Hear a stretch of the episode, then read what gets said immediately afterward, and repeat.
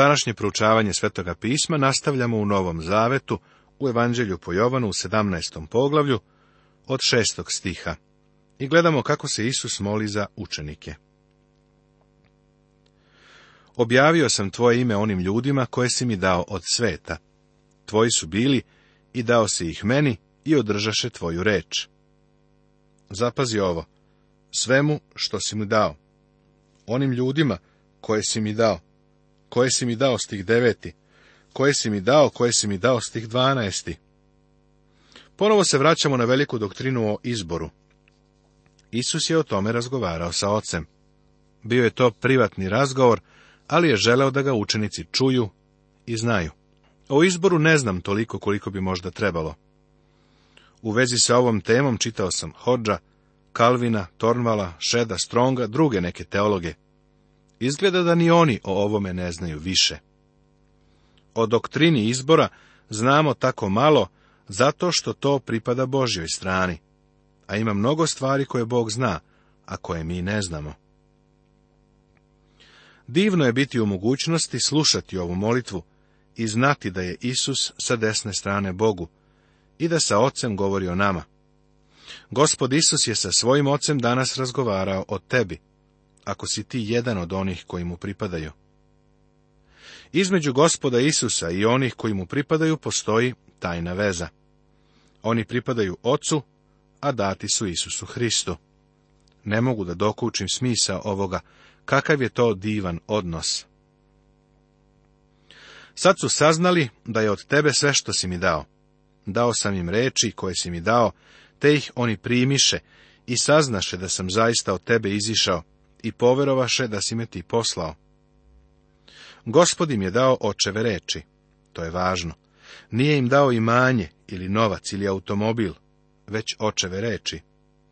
Isus ovde svedoči da su ovi učenici verovali da je on došao od oca.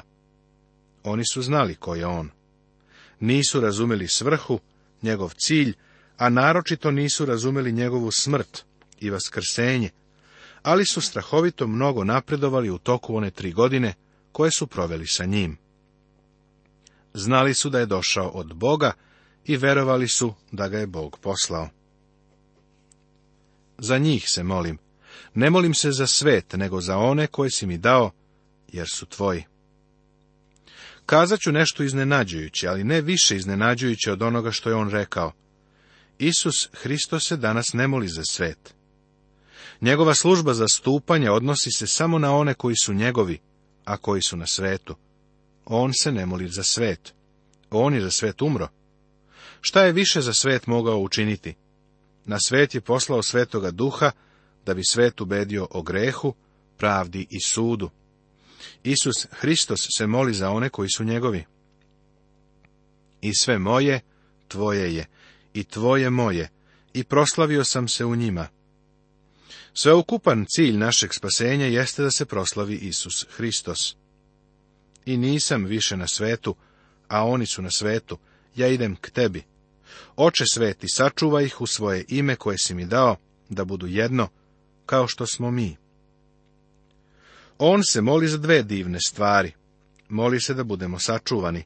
Bićeš sačuvan, jer si zapečaćen svetim duhom, jer se spasitelj moli za tebe.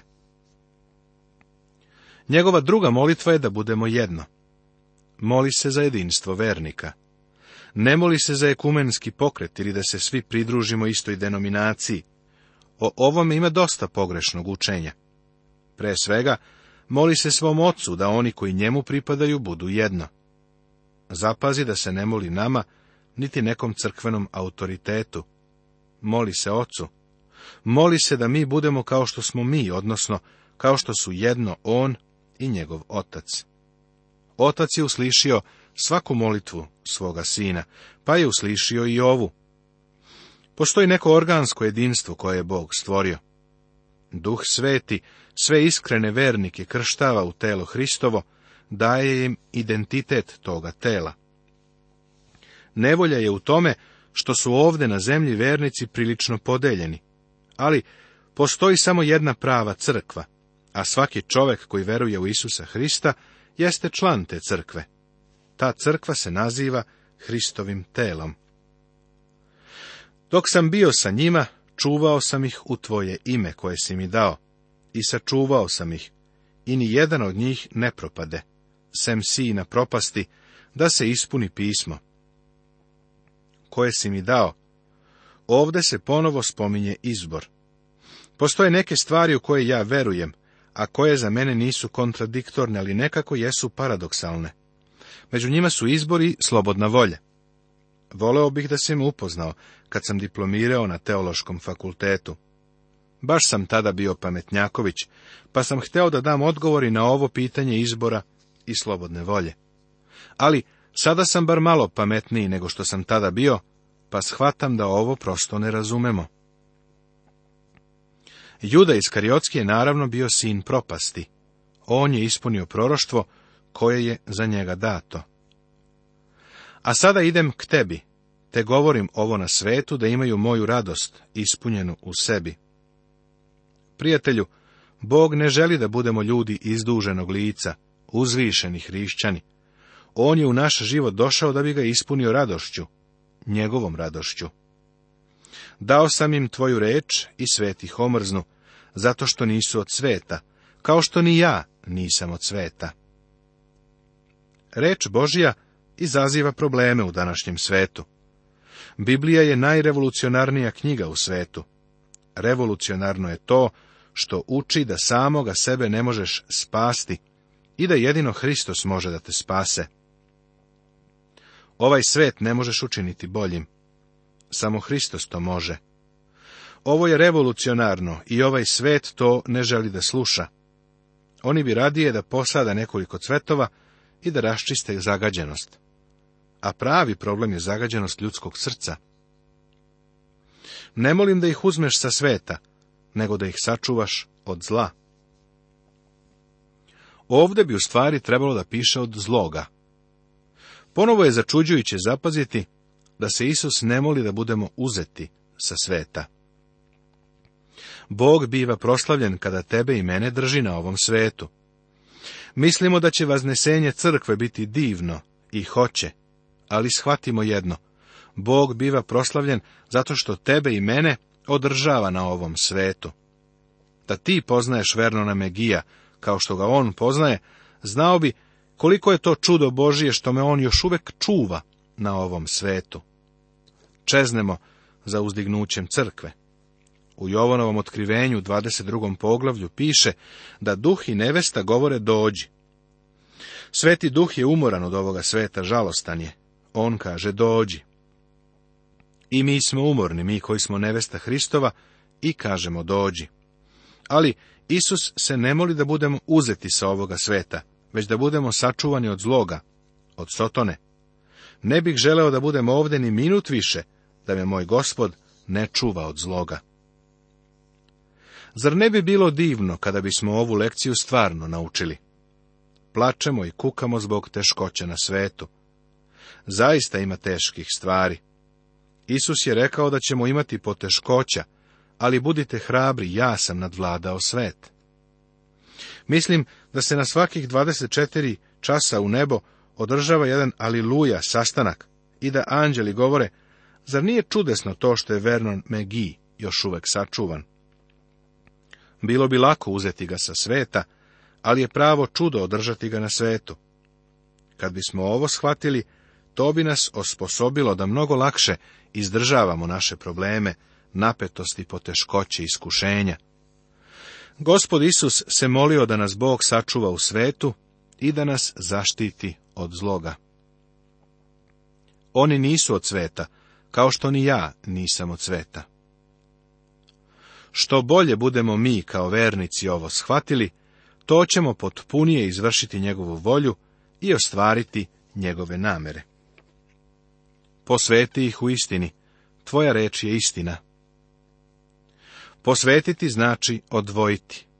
Vernik nije od ovoga sveta, on je odvojen. Poruka ili smisa ovoga stiha više se odnosi na zadatak nego na osobu.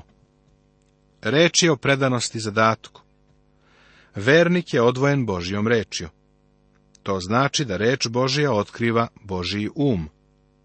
Dok čitaš Božiju reč, vođen si tako da se odvojiš za posebnu službu. Bogu možemo služiti jedino ako poznajemo Božiju reč i ako smo joj poslušni. Kao što si ti mene poslao u svet, poslah i ja njih u svet. Za njih posvećujem samoga sebe, da i oni budu osvećeni u istini. Poslati smo u svet da svedočimo. On sebe odvaja da bi se poistovetio sa nama, da bismo se mi sa njim poistovetili u ovom svetu. Isus se moli za svoju crkvu. Ali ne molim samo za ove, nego i za one koji na njihovu reč veruju u mene. On je imao na umu tebe i mene. Mnogo vekova kasnije možemo znati da se naš veliki prvosveštenik moli za nas. Da svi budu jedno, kao što si ti oče u meni i ja u tebi, da i oni budu jedno u nama, kako bi svet poverovao da si me ti poslao. Ova molitva je uslišena.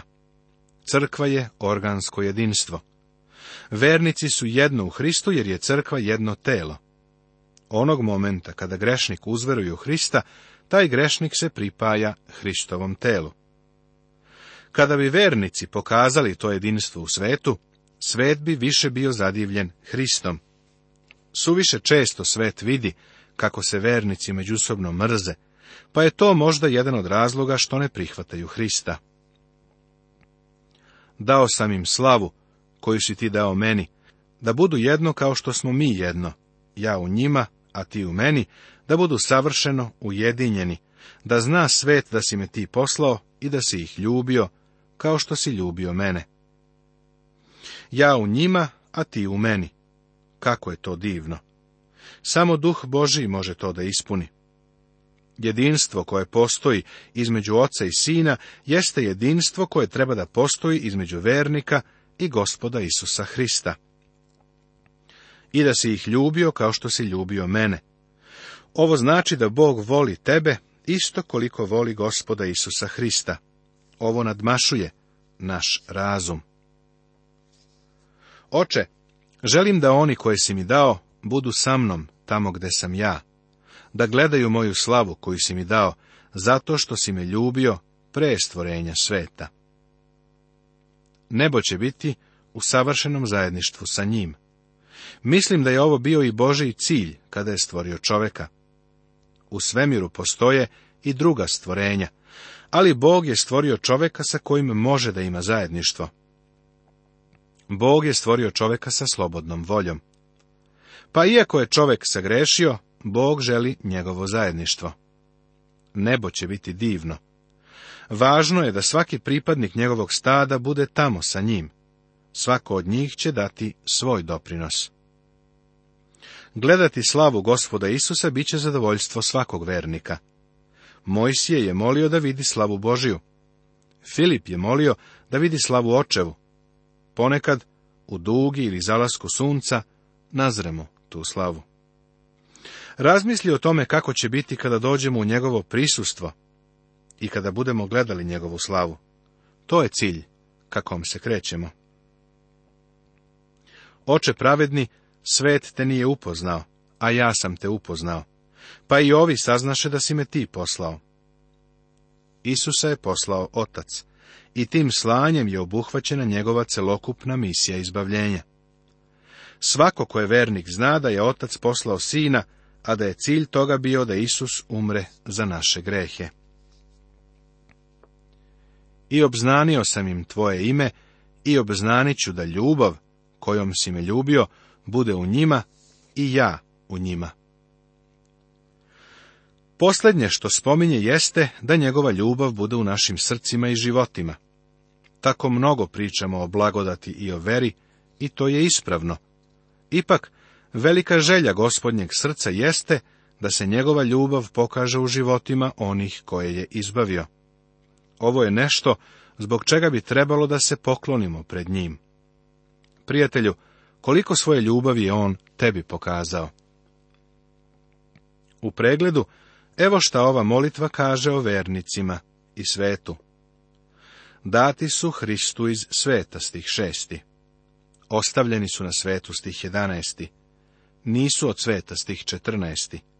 Svetih mrzi stih 14 sačuvani su od zloga, stih 15. Poslati su u svet, stih 18. Pokazuju se u jedinstvu pred svetom, stih 23. A ovo su Hristove molitve za one koji mu pripadaju. Da budu sačuvani, stih 11. Radost punina duha, stih 13. Oslobođenje od zloga, stih 15. Da budu odvojeni, odnosno posvećeni, stih 17. Jedinstvo, da budu zajedno. Nije reč o Savezu i Uniji, stih 21. Zajedništvo da budu sa mnom, stih 24. Zadovoljstvo da gledaju moju slavu, stih 24. Gospod Isus Hristos je naš veliki prvosveštenik. Ovo je velika istina poslanice Jevrejima. U starom zavetu Prvosveštenik je nosio oplećak, koji je na svakom ramenu bio pričvršćen sa dva oniksova kamena, na kojima su pisala imena izraelskih plemena. Tako je on imena dece Izraelove nosio sa sobom, kada je ulazio u Božju prisutnost. Ovo nam govori o snazi i sili prvosveštenika. Poslanica Jevrejima u sedmom poglavlju nam govori o Isusu Hristu, našem prvosvešteniku stoga i može sasvim da spase one koji njegovim posredstvom prilaze Bogu, pošto da živi, da se moli za njih. Hristos je kadar da nas spase, ima silu i moć. Na prvo svešteničkom naprsniku je bilo dvanaest dragih kamenja, postavljenih po tri u redu, u četiri reda preko grudi. Na svakom od njih je bilo po jedno ime izraelskog plemena. Kada je prvosveštenik ulazio u Božije prisustvo, noseći taj naprsnik, oslikavao je gospoda Isusa Hrista, koji je sada sa desne strane Bogu i zastupa za nas. Ne samo da nas Bog nosi na svojim ramenima, na mestu sile i moći, nego nas nosi i na svojim grudima, u svom srcu, što govori o njegovoj ljubavi. On ima svu silu i on nas voli. Poglavlje 18 tema. Isusovo hapšenje i suđenje. Hapšenje u Gecimaniji. Suđenje pred Ananijom. Odricanje Simona Petra. Suđenje pred prvosveštenikom. Drugo odricanje Simona Petra i suđenje pred Pilatom. Sada smo završili besedu u gornjoj sobi koja je počela u 13. poglavlju Jovanovog evanđelja, a svoj vrhunac dostigla divnom molitvom gospoda Isusa u Jovanu u 17. poglavlju. Avgustin je ovo izjavio o ovoj besedi. Najlakša u pogledu na reči, najumnija u pogledu ideja. Ovo je zaista istinita izjava. Sada smo došli do petog dela Jovanovog evanđelja, do Isusovog svedočanstva svetu. Ovaj deo sadrži poglavlja od 18. do 20. U ovom poglavlju ćemo vidjeti da je Isus uhapšen i odveden pred prvosveštenika. Ovdje je prikazivanje drugačije nego u ostalim sinoptičkim evanđeljima, u Mateju, Marku i Luki. U ova tri evanđelja naglasak je na Hristovoj ljudskoj prirodi i na trpljenju spasitelja. U prva tri evanđelska zapisa, kako se približava Jerusalimu, Isus govori da će umreti. Spominje svoju smrt nevolju, patnju u rukama neznabožaca, a zatim svoje telesno vaskrsenje. U Jovanovom evanđelju akcenat je stavljen na božanstvo gospoda Isusa. U ovom evanđelju on je bogo čovek, a naglašava se njegova slava. U njegovom hapšenju, njegovoj smrti i vaskrsenju vidjet ćemo njegovu slavu. Sjeti se koliko puta je u svojoj besedi izjavio da će se vratiti ocu. Ovo je u skladu sa isticanjem njegove slave. Hapšenje u Gecimani, suđenje pred Anom. Isus reče ovo i izađe sa svojim učenicima preko potoka Kedrona, gde veše jedan vrt, u koji uđe on i njegovi učenici. U ovim pasusima naći ćemo mešanje Hristovog veličanstva i njegove krotkosti. Izgleda da je noć proveo pod vedrim nebom. Zašto je napustio Jerusalim i prešao preko potoka Kedrona. Očigledno je bio navikao da ide tamo. A za to mesto je znao i Juda, njegov izdajnik, jer se Isus često sastajao onde sa svojim učenicima. Luka nam u svom evanđelju u poglavlju 21. ovako kaže. Danju je učio u hramu, a noću je izlazio i noćivao na gori koja se zove Maslinska. Ponovo, u 22. poglavlju Luka govori i izišavši ode po običaju na Maslinsku goru, a za njim pođoše i učenici. Nije dakle bilo potrebno da prelazi preko potoka Kedrona. Nastavit će se.